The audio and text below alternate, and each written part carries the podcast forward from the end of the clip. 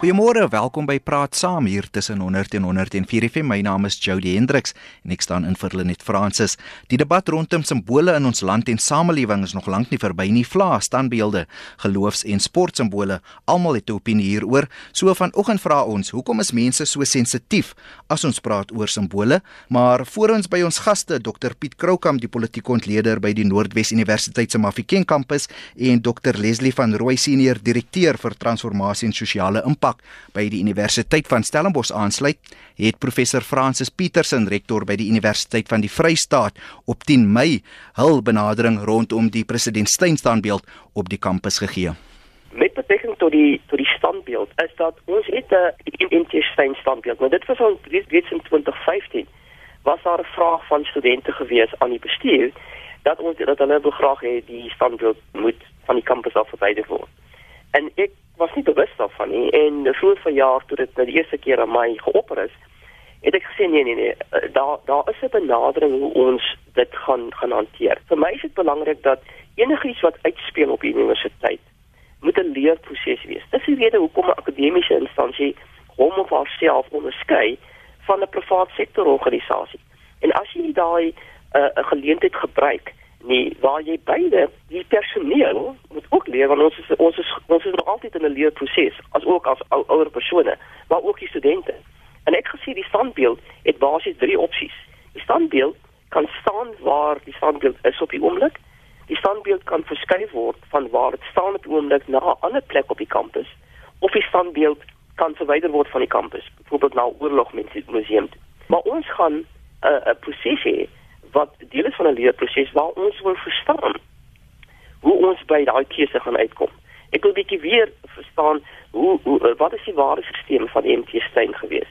In watter era het, het was hy die leier gewees? Hoe het hy dit hanteer? Maar ek wil ook verstaan aan die ander kant dat in daai milieu waar hy as leier opgetree het, was daar swart mense wat onderdruk gevoel het. Hoe het hulle nasate daai ondervinding hanteer? En ek wil hê ons almal op die universiteit moet dit verstaan. So wat ons gaan doen met die standbeeld, is ons gaan die standbeeld uh daar's 'n proses met die standbeeld so 'n taakspan saamgestel. Ons gaan 'n intellektuele ruimte om die om die standbeeld skep. Ons ook tegnologie, ons gaan 'n bietjie meer innoveer want dit is een van die van die komponente wat ek wil hê die Universiteit van die Vryheid baie sterk moet uitbou. Is hoe hoe dink ons verskillend? Hoe kan ons goed skuif? So ons gaan 'n intellektuele ruimte skep waar ons tegnologie inbring en sê maar hoe, hoe bring ons hierdie inligting van Steyn op? Hoe kan ons die idees, opinies van verskillende mense inbring en luister hoe hulle voel? En dan het ons natuurlik 'n uh, uh, ons noem dit 'n heritage impact assessment wat ons gaan doen in daardie publieke interaksie wat wat wat meer as 2 maande gaan strek waar ons persone se idees reg oor Suid-Afrika en in in teen laat ook koffies en ander ander dele van die wêreld sit wat ons wil hê moet deelneem. En dit is wat ek wil wil hê op die einde van die dag is gaan ek nie sê die uitkoms is is nie belangrik nie, maar vir my is die proses om by die uitkoms uit te kom is vir my 'n baie meer belangrike proses want dan gaan ons dan gaan ons regtig die rol begin te speel wat ehm um, universiteite behoort te speel in ons samelewing. En dan professor Francis Petersen van Koffsies, professor Dr Piet Krokram, goeiemôre. Goeiemôre. Dr Leslie van Rooi, goeiemôre. Môre Jody. Leslie, hoekom is ons so sensitief as ons praat oor simbole? Nee, ek dink dit is belangrik om sensitief te wees. Ek dink nie simbole was ooit oor die geskiedenis van die wêreld en van die mensdom nie belangrik nie. Ons was nog altyd sensitief daaroor. Uh, ek dink die debat is akut in Suid-Afrika uh, weens 'n klomp fasette. Een uh, met die oorgang na demokratiese Suid-Afrika was daar er 'n groot vraag uh, of simbole van Suid-Afrika se verlede of 'n koloniale verlede of wat dit geskiedenis um, genoeg is uh, om iets van die land te sê of 'n nuwe land te sê en ons het toe gestel nuwe simbole gekry in die vorm van of nasionale simbole of 'n nasionale lied uh, of uh, ander soort erkennings of standbeelde in Suid-Afrika hopeloos te min daarvan maar dit was 'n beginproses.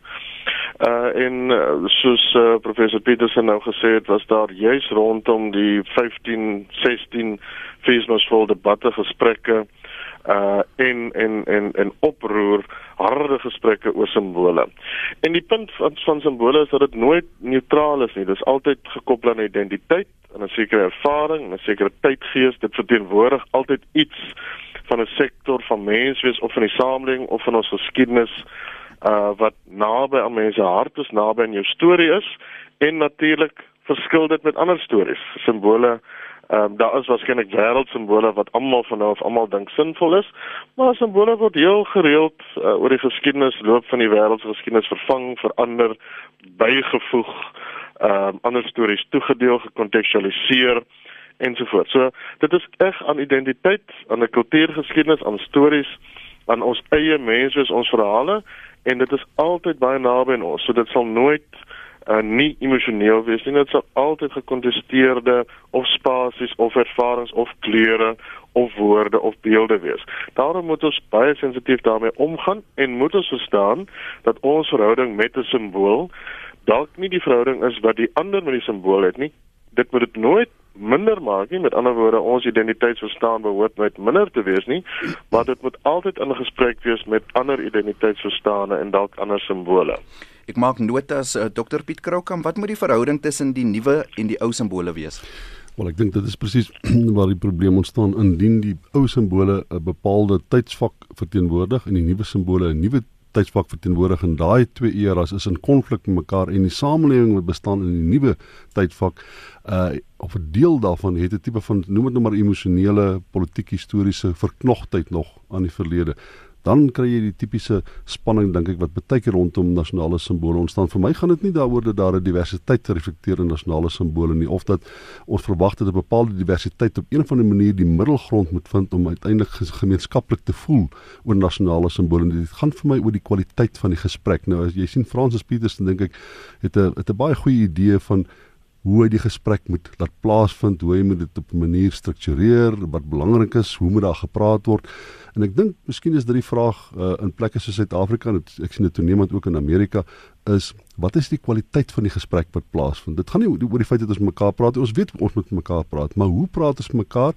Wat is die kwaliteit van die gesprek wat plaasvind? In watter mate is ons bereid om 'n kompromis aan te gaan oor die eenheidswaarde sê sê van byvoorbeeld simbole en in watter mate agiteer dit die gesprek maak dit verdryf dryf ons uitmekaar uit dit is nie moeilik om baie keer tot die slotsom te kom dat soos in Amerika en Suid-Afrika die gesprek baie keer mense eerder uitmekaar uitdryf as om uh die minstens die gevoel te skep dat ons moet probeer om 'n middelgrond te vind 'n gemeenskaplike realiteit nie.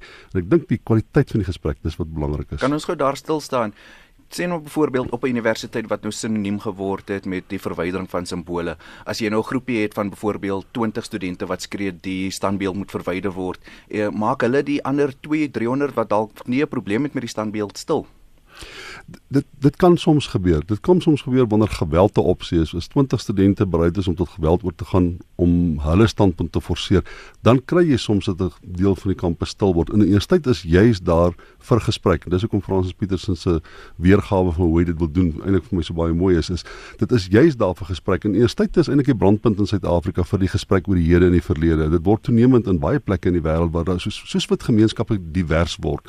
Soos wat die verdelingslyne van die geskiedenis op een of ander manier weer geaksentueer word deur inkomste gapings deur uh, die wat voorregte, die wat nie voorregte, die wat uitgesluit is, die wat nie uitgesluit, die wat vervreem voel, die wat nie vervreem voel nie.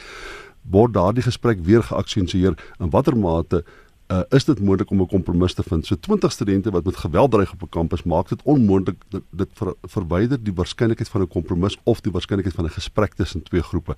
En uh, dit ons sien dit baie by op Suid-Afrikaanse universiteite. Dit reflekteer ongelukkig ook 'n deel van ons noem dit maar gewelddadige of konfronterende verlede. Jy kan nie verwag dat universiteite gaan hierdie vredevolle instellings wees gegee ons verlede noodwendig nie.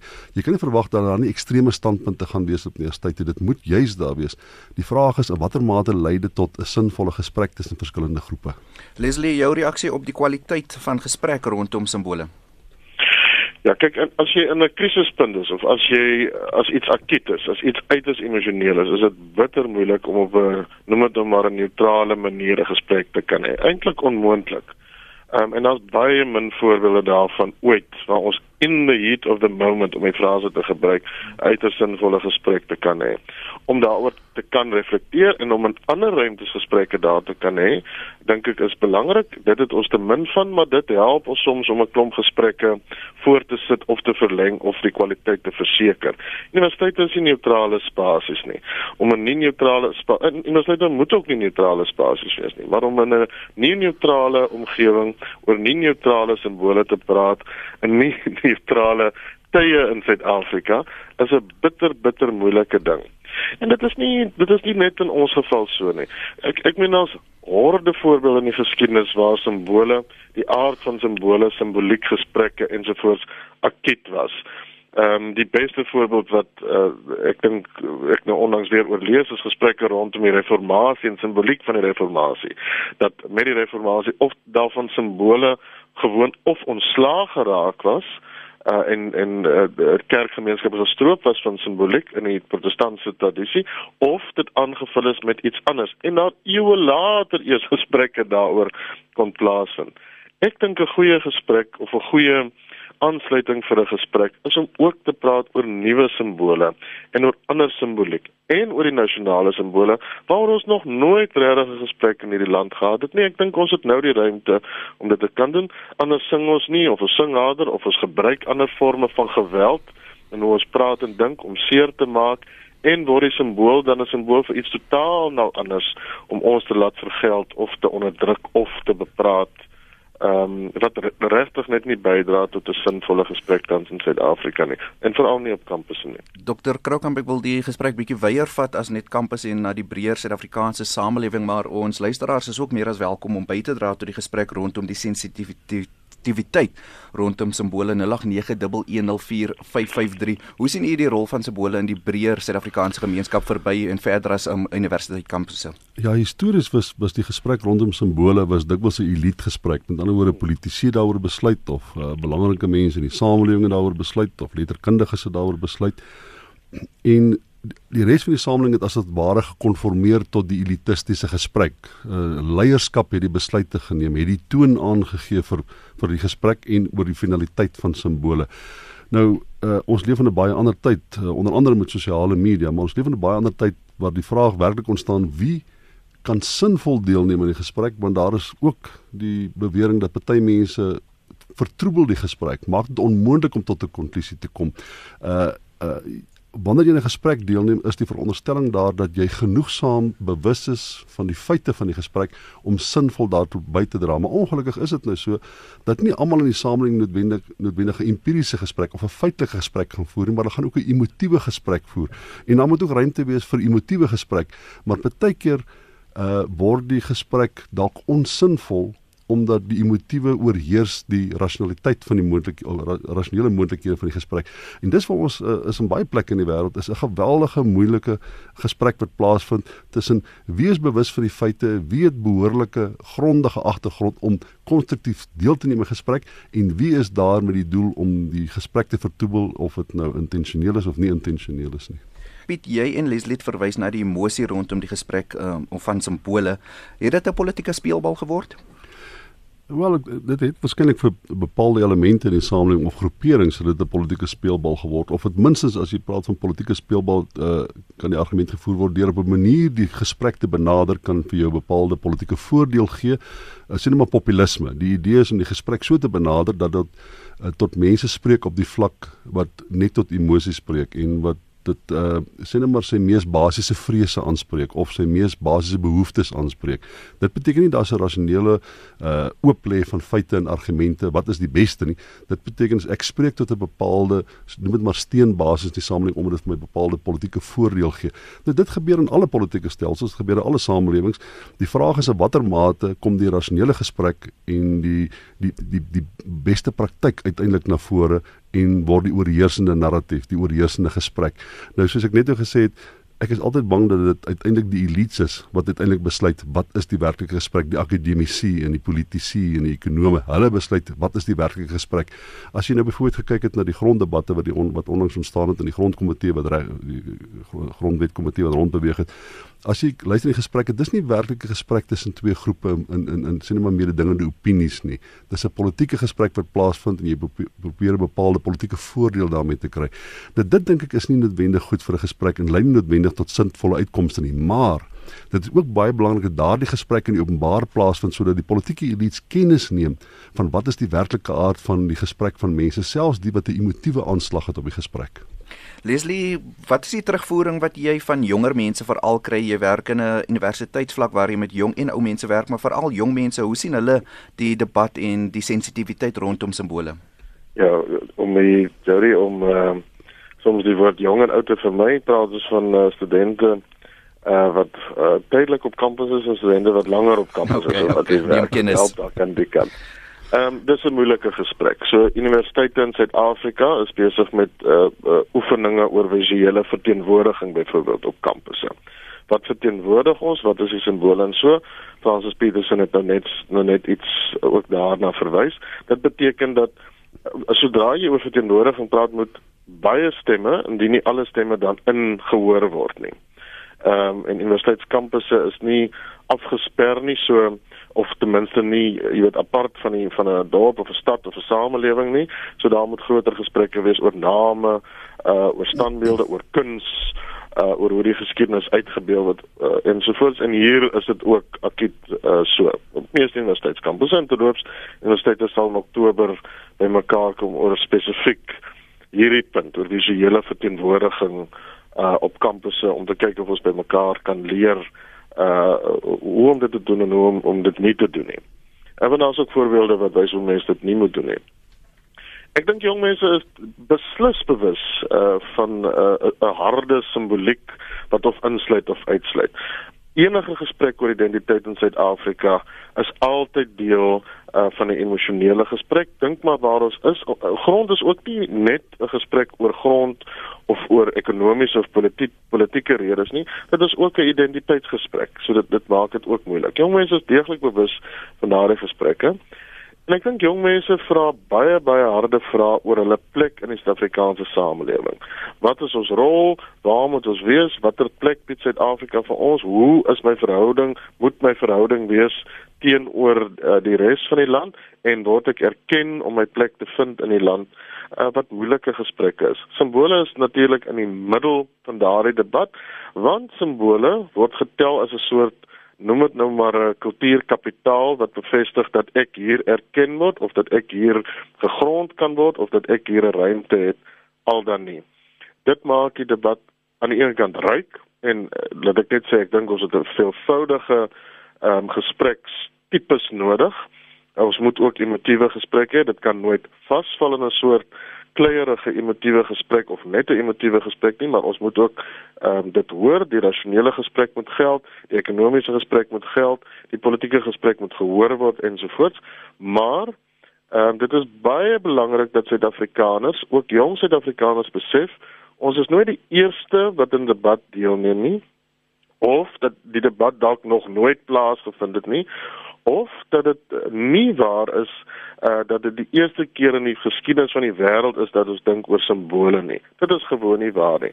En ons storie moet maar ons moet maar leer om daardie storie te weef binne 'n groter gesprek met te verstaan dat die geslag of twee wat na ons sal kom, 2, 3 ensovoorts wat na ons sal kom, waarskynlik ook harde vrae sal vra oor ons besluite, oor ons simbole, oor ons verstande en waarskynlik uiters krities sal omgaan met ons of of selfs ons idees heeltemal vervang uh, en verwyder soos wat geslagte vir ons doen. Dit is die aard van mense, dit is die aard van simbole, dit is die aard van identiteit. Ons moet ook mekaar help om dit te verstaan, veral vir jong Suid-Afrikaners. Maar dat hulle in daai gesprek moet bly en wees en waarskynlik ook 'n gesprek met aanroer sodat ons sekere nasionale gesprekke kan hê is noodsaaklik. Ek dink die mees akute nasionale gesprek wat ons moet hê is oor ons nasionale simbole. Die nasionale simbole probeer om iets van 'n Suid-Afrika wees te vestig en daardie gesprek het ons nog nie gehad nie. Ek is nie eers seker of ons 'n goeie ehm um, gesprek binne die politieke elite ooit daaroor gehad het nie. Ek dink dit moet 'n gesprek wees wat Suid-Afrikaners kan hê anders doen ons dit uh op Loftesversveld dan ons die nasionale lied sing en dan is dit net onaangenaam. Ek hoor jou. Leslie wil stil staan by die jong mense en hulle rol wat hulle in die debat moet speel, maar sien jy dalk dat politici ek het vir Piet gevra of dit 'n politieke speelbal geword het dat hulle dalk misbruik word in die debat? Ja, dit is ook 'n eeu ouer ding. So ek ignoreer dit sover mense dit kan. Ek dink 'n gesprek uh, so dit beïnvloed altyd 'n gesprek en dis daar's altyd 'n gesprek en dit moet mense weet. Maar ek dink heel gereeld in debatte en gesprekke hier wanneer mense op 'n egte manier praat en dink en worstel oor vrae ook rondom simbole aan aan hierdie kant as mense nie hou van hoe die gesprek gaan nie, ehm um, sal daar altyd 'n kommentaar wees of 'n vraag wees wat insinueer dat ag hierdie is nou maar net 'n politieke gesprek en met ander woorde hierdie gesprek is nie die moeite werd nie en ons spring weer uh agter een of ander politikus aan of een of ander politieke stelling aan en soms is dit gewoon nie waar nie. Ek dink ons moet mense toelaat om hulle stem te laat geld in verhouding tot ander stemme en aanvaar dat 'n opinie wat dalk anders is as myne gehoor moet word. Met ander woorde, ek moet dit laat hoor of dit nou maklik is of nie en dit is soms besonder moeilik, maar ek moet dit laat hoor en ek moet toelaat dat 'n debat sy gesprek, ek wil die woord gesprek eerder gebruik, sy gaan gang en sonder enige bepalinge van my kant af uh, dat dit net so moet wees of net so moet uitspeel en soms maar toelaat dat die gesprek of ehm um, jy weet moeilik raak of dat die gesprek in rigtings gaan anders as wat ek gedink het dit is nie so dat die gesprek net 'n politieke, maar partytetiese gesprek is nie. Daar is sterk partytetiese, selfs nie regeringstipe ehm um, organisasies invloed in 'n gesprek. Dit is so, maar dit beteken nie dat 'n gesprek nie kan plaasvind met mense wat as mede-Suid-Afrikaners oor grense heen met mekaar wil en kan praat oor simbole nie. Die stem van Dr Leslie van Rooi is by die Universiteit van Stellenbosch. Piet, 'n uh, luisteraar, 'n naamlose luisteraar hier op die SMS lyn 45770 waar elke SMS R1.50 kom sê simbole. Asseblief, wat maak dit saak hoe relevant is dit nog vandag? Hoe relevant is simbole nog in 2018? Weet ek, dit is 'n geldige vraag. Ek dink in uh, in moderne samelewings van vandag word simbole baie keer uitgedaag. Ek weet in Amerika is die gesprek byvoorbeeld in die gang dat deur te argumenteer deur nasionale simbole uit te daag as jy patrioties. Jy's nie patrioties deur dit slaafs na te volg nie. In Suid-Afrika, ek dink soos wat Leslie ook sê, is ons miskien nog nie heeltemal by daai gesprek van uh wat wat is dit wat wat wat wat sê dit as jy die nasionale simbole uitdaag? Wat sê dit as jy die springbok wat op die rugby try is as jy dit uitdaag en sê maar dit verteenwoordig iets wat ek nie meer kan identifiseer nie. Wat sê dit as jy besluit om te sit as die nasionale volkslied gesing word of as jy die ou Suid-Afrikaanse vlag swaai? dit dit is dit dit is nog komplekse gesprekke, maar ons is in Suid-Afrika nog nie naaste by daarby nie, maar ek wil net gou by ietsie anders terugkom. Ons het 'n baie praktiese manier om te kyk eintlik in terme van ons grondwet na hierdie verskille van die gesprekke oor nasionale simbole, oor enigiets in Suid-Afrika, oor enige mededingende gesprek wat ons het. Die grondwet maak baie spesifiek voorsiening daarvoor om die waarheid te sê, die grondwet dwing dit af dat almal die die samelewing moet betrek word by 'n elite gesprek, by enige vorm van gesprek, by 'n beleidsgesprek, by 'n gesprek wat waardevol is en wat wat wat vir ons belangrik is. En dit wat nou byvoorbeeld met die gronddebat plaasvind is juis deur die grondwet gedetermineer, die mense, gewone mense moet betrokke wees by die gesprek. Histories het dit nie altyd plaasgevind nie. En daar was al hofuitsprake wat gesê het hierdie wetgewing moet herskryf word want daar was nie behoorlike betrokkeheid deur die samelewing by daai gesprek nie. En uh, dit beteken nie dat wat daar gesê word moet noodwendig in die wet opgevang wees nie. Dit beteken net daardie die skrywers van die wet moet ag neem, moet kennis neem van daardie gesprek wat plaasvind. Maar besef die nasionaal of die samelewing dit dat hulle 'n bydrae kan maak of onttrek hulle net as dit te uh, emosioneel raak. Nee, ek dink in Suid-Afrika soos Pravin Gordhan sê altyd ons is 'n vreeslike raserige demokrasie. Ek, ek jy kan jy kan ons nie daarvan beskuldig dat ons stil is nie. Ek ek dink as jy kyk net na na hierdie openbare uh, gesprekke beteken dis baie baie raserig jy jy het nou die voorbeeld gemaak van die Springbok embleem wat in die verlede wie het mense dit nie daarvan gehou het nie maar tog eh, deesdae sien ek as ek rugby wedstryde bywoon Piet dat dat Suid-Afrikaners reg oor die spektrum dit half hulle eie gemaak het. Is dit nie dalk 'n voorbeeld van 'n simbool wat voorheen mense onderdruk het nie maar nou wat mense saambring?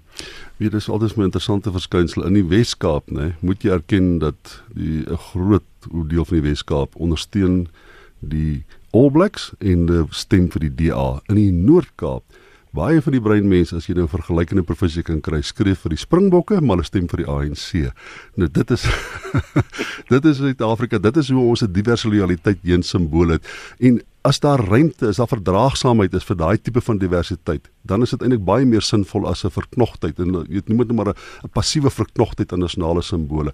Dis baie belangriker dat daar ruimte is vir die diverse opinies oor die nasionale simbole as wat dit dit is dat daar 'n verknogtheid, 'n spesifieke nasionale verknogtheid, afdwingbare verknogtheid moet wees in die nasionale simbole. Leslie wil jy iets byvoeg? Jy's van die Noord-Kaap en bly deesdae in die Wes-Kaap? Ja, nee, ek is langer in die Weskaap as in die Noord-Kaap en ek verstaan die politiek by altyd glad nie. Uh laat ek net dit sê oor wanneer die debat glad nie meer relevant is nie.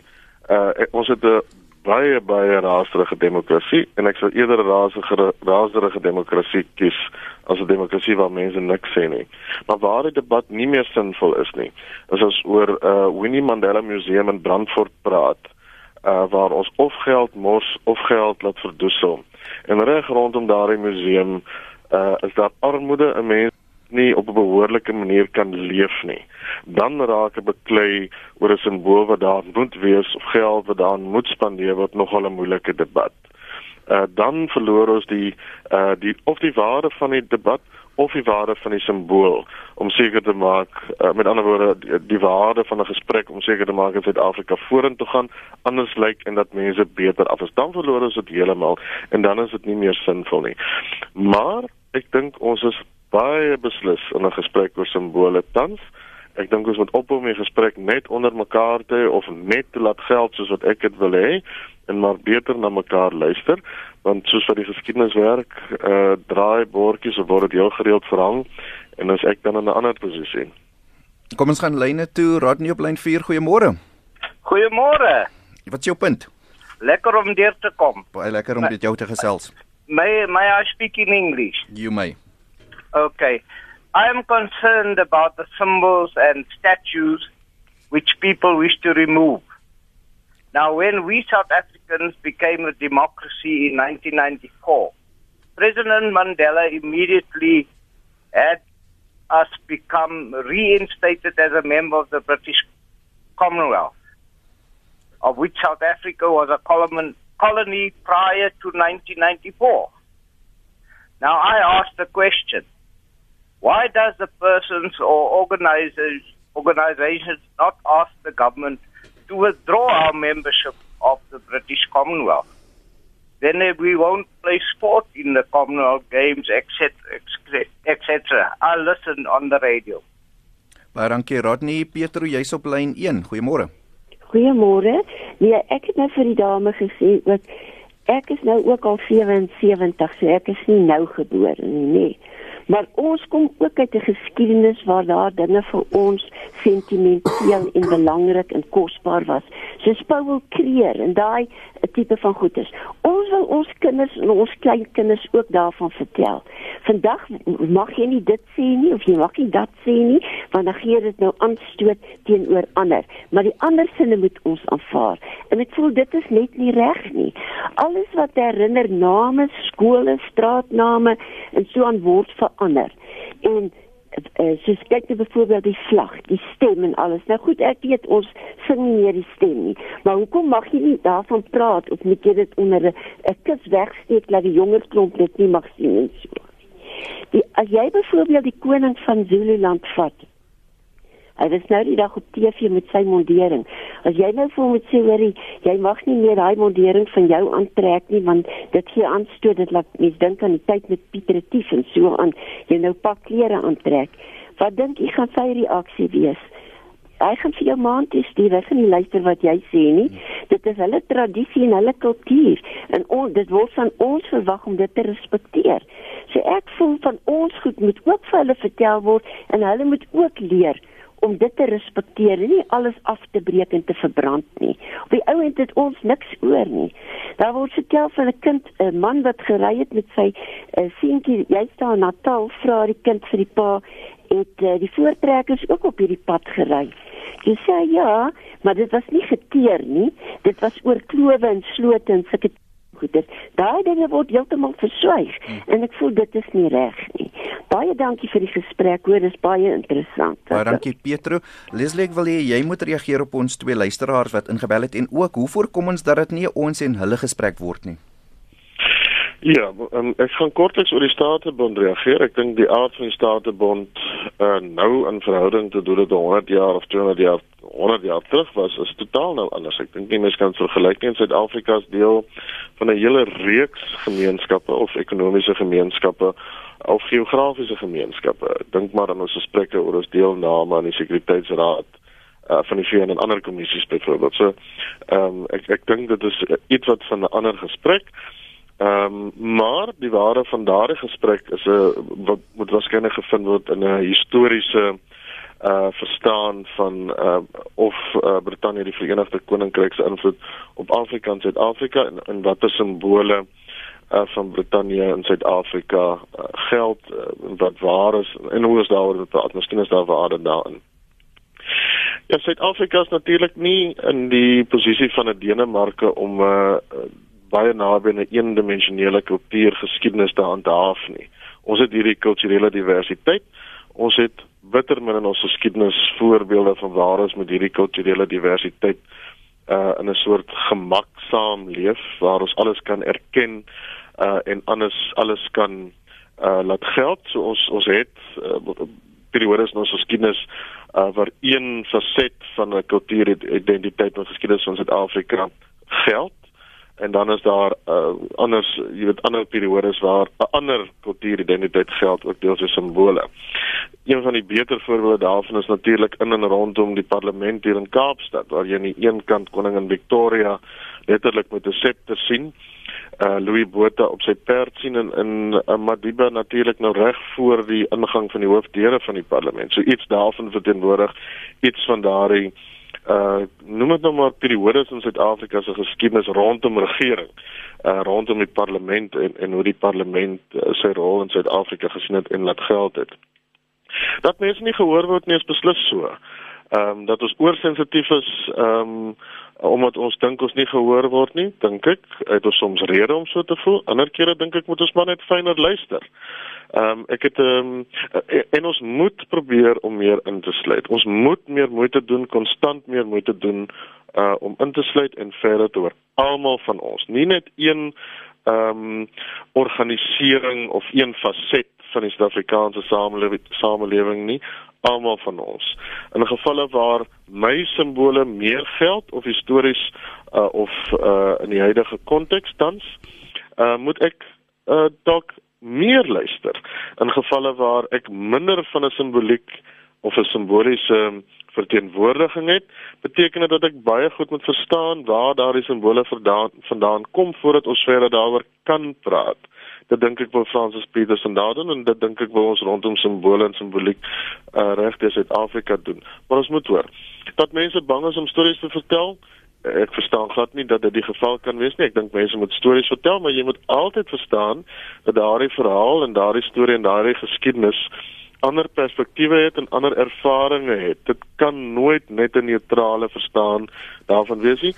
Beter tog maar in die kompleksiteit en in die kom, in 'n komplekse uh, kokon waarin dit soms waarin dit geweef is en in in waarin ons self uh, onsself meer gereeld moet vind sodat ons iets van daai kompleksiteit kan verstaan. Maar dit mag nooit beteken uh, dat ons mekaar ontneem uh, van die geleentheid om onsself te wees en om ons eie idees ten minste mee om te gaan en te verstaan nie.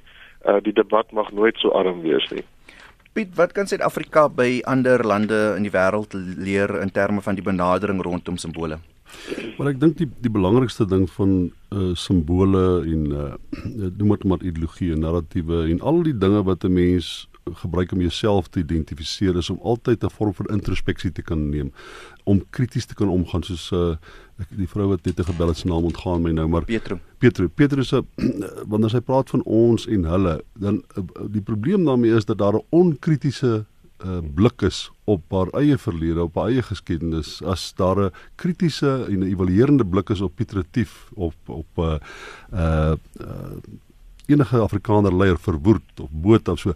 Wanneer jy terugkyk op jou eie verlede en jy kan krities omgaan met daai konsep of daai individu of daai held van die verlede, dan dink ek dat jy 'n vorm van volwassenheid bereik net en ek dink jy sien dit vandag baie. Die meeste wit Suid-Afrikaners identifiseer nie meer met apartheid nie omdat hulle krities kan omgaan daarmee. Die meeste swart Suid-Afrikaners dink ek vandag is krities oor die bevrydingsbeweging en die bevrydingsnarratief die die idee is om want dit ontwikkel 'n vorm van verdraagsaamheid wanneer ek kan sê hierdie is my geskiedenis maar daar's 'n vorm van kritiek wat 'n geldige kritiek is op my geskiedenis hierdie is my opinie en dis waarna Leslie nou verwys het. Hierdie is my opinie maar daar's 'n vorm van kritiek op hierdie opinie vir my wat 'n geldige vorm van kritiek is. Ongelukkig kom dit na 'n lang leeftyd paar leeftye van vorm van uh noem dit nou maar uh ontwikkeling en groei en politieke bestendigheid en uh, dit dit 'n samelewing vat baie dekades, baie keer eeue om die volwassenheid te bereik om sinvol met mekaar 'n gesprek te tree oor baie diep verdelingslyne.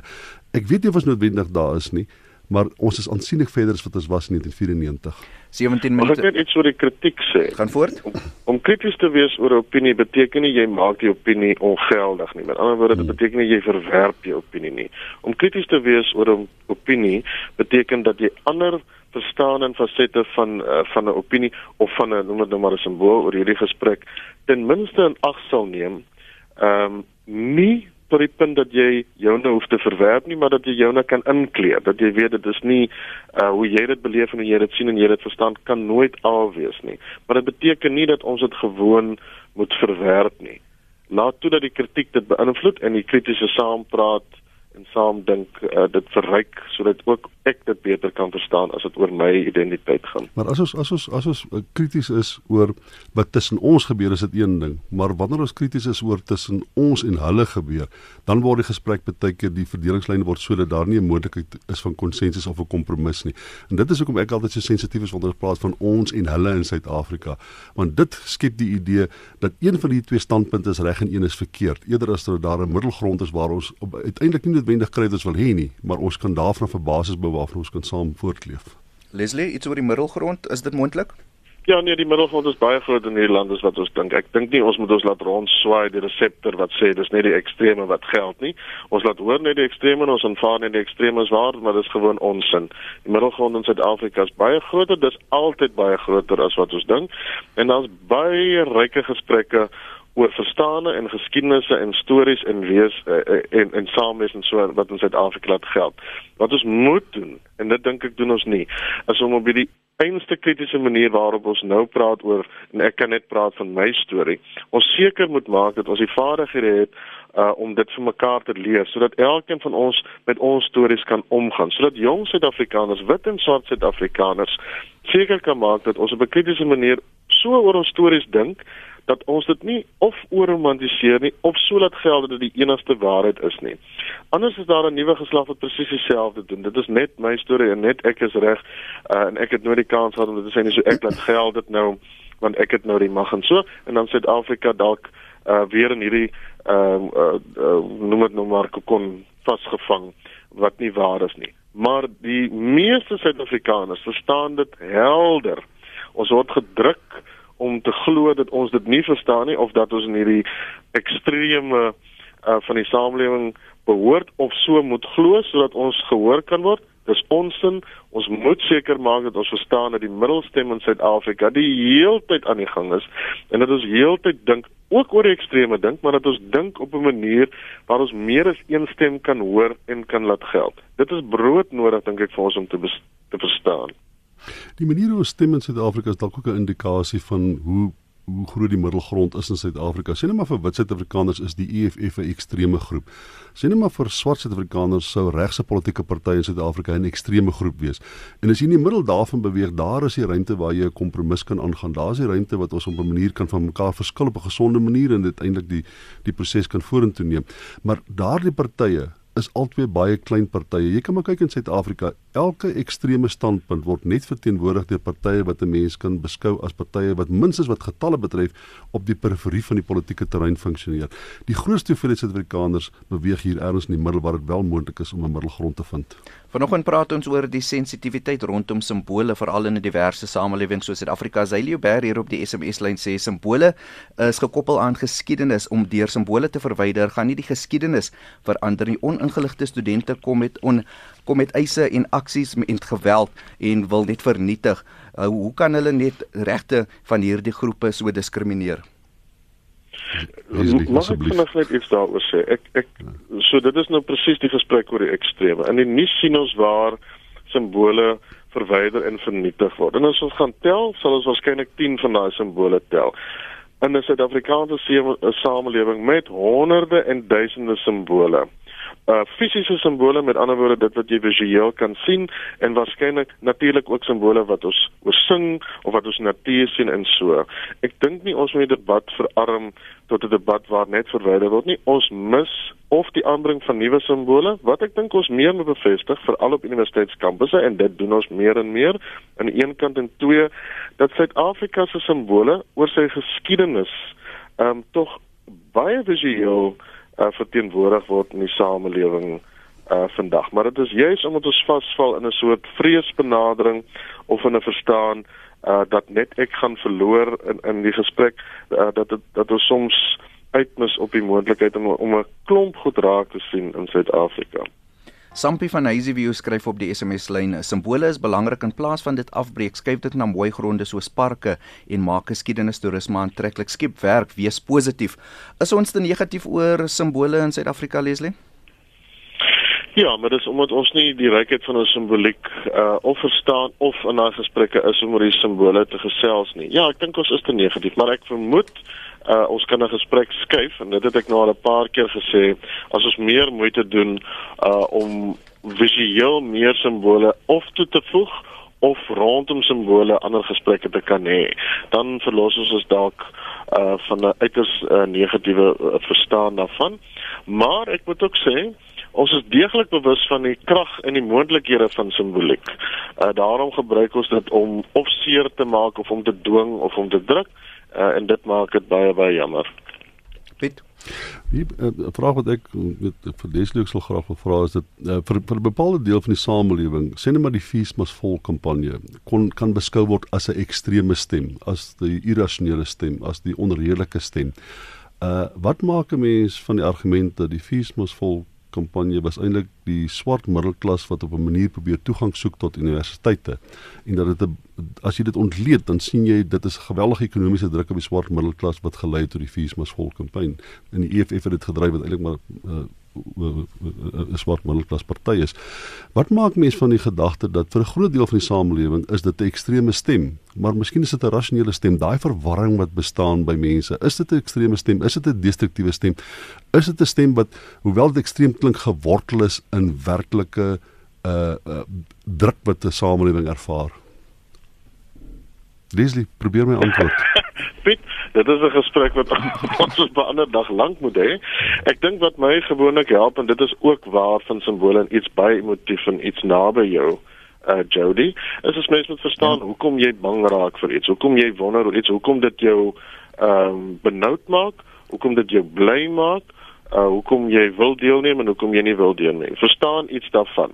Dan is dit redelik maklik om te kan bepaal as mens dit verstaan, maklik om te bepaal op 'n skaal van 0 tot 100. Jy weet wat uh hoe ver is dit? Hoe ekstreem is dit? Hoe seer is dit? Hoe bly maak dit mense? Hoe bang maak dit mense ensovoorts. En dan kan jy begin bepaal uh op 'n uh, rasionele skaal en mens kan nie dit altyd gebruik nie, maar ons gebruik nou vir oggend 'n rasionele skaal en sê, "Goed, ek weet nou min of meer waaroor dit gaan en ek weet nou hoekom ek so voel." En dan kan jy probeer bepaal of dit ekstreem is of nie ekstreem is nie. Ek stem met Piet saam. Ek dink nie dit was 'n daar was uiters radikale stemme want dit is wat in hierdie land gehoor word. Dit is dieselfde rede waarom ons in proteste brand. Dit is wat gehoor word, dis wat gesien word en dit is wat reaksie ontlok. Nêrens in onderhandelinge of in debatte of in gesprekke of in die post-feesmasvol era sien ek iets van daardie ekstreme. Het ek iets daarvan gesien en sien ek iets van daardie ekstreme uh tans nie. Ehm um, en onthou baie min mense wat wegstap van die universiteit of met 'n kwalifikasie en 'n graad en dan uiteindelik uh werk. Ehm um, sal nie in die middelklas of dalk in 'n hoër klas uh, self wees nie. So ek dink uh, Pieter sê reg, maar dis 'n baie lang gesprek vir 'n ander dag. Nuances. Ja. So die debat rondom die sensitiwiteit van ons simbole is nog lank nie klaar nie. Net julle slotgedagtes rondom simbole en hoe ons vorentoe dit moet benader Piet binne 'n minuut asseblief. Vir my was dit die uh, in 1994 was een van die mooi goed wat was die wêreldbeker 95 95 se ja. wêreldbeker. Toe daar was 'n groot vraag ontstaan oor wit Suid-Afrikaners se lojaliteit teenoor die demokratiese stelsel. En in 95 het die die die oorgang van die ou Suid-Afrikaanse vlag na die nuwe Suid-Afrikaanse vlag vir 'n wit Suid-Afrikaner baie maklik. Die meeste ander simbole is nie vreeslik bewus van nie en hulle is heeltemal tevrede om om om om om in kosie te sing. Maar dit is nie so daar is 'n bepaalde loyaliteit, genoegsame loyaliteit teen simbole in Suid-Afrika. Die vraag is vir my, hoe maak dit ons dit in ons daaglikse lewe uh verteerbaar en hoe gaan ons om met ander mense in die samelewing wat ons opinies en ons idees uitdaag die verdraagsaamheid die vlakke van verdraagsaamheid is belangrik en as dit kan korrespondeer met sê net maar ons loyaliteit teenoor nasionale simbole dan het mense redelike kans om uh om te praat van 'n Suid-Afrikaanse samelewing. Leslie, jou slotgedagtes? Ja, ons is beslis nie meer in die 1994 Suid-Afrika nie. Ons dink totaal nou anders uh, oor Suid-Afrika. Ons begin ook al hoe meer krities wees oor die onlangse geskiedenis van Suid-Afrika. Ek dink dit is goed so. Dit beteken dat ons hard sal moet dink en praat oor ons simbole, veral ons nasionale simbole. Maar ons moet nooit dink dat iets wat versteen staan uh, in die middel van 'n dorpssin of so nie oor gepraat kan word nie en dat daar nie ander moontlikhede is vir nuwe geslagte om ander simbole op te rig of om by te voeg of om anders te dink self oor simbole nie. Want dan eh, as ons dit doen het die simbool eintlik dan nou geen meer waarde nie en dit sou baie jammer wees. En dit was my gaste vanoggend Leslie Dr Leslie van Rooi senior direkteur transformasie en sosiale impak by die Universiteit van Stellenbosch en Dr Piet Kroukamp politieke ontleder by die Noordwes Universiteit se Mafeking kampus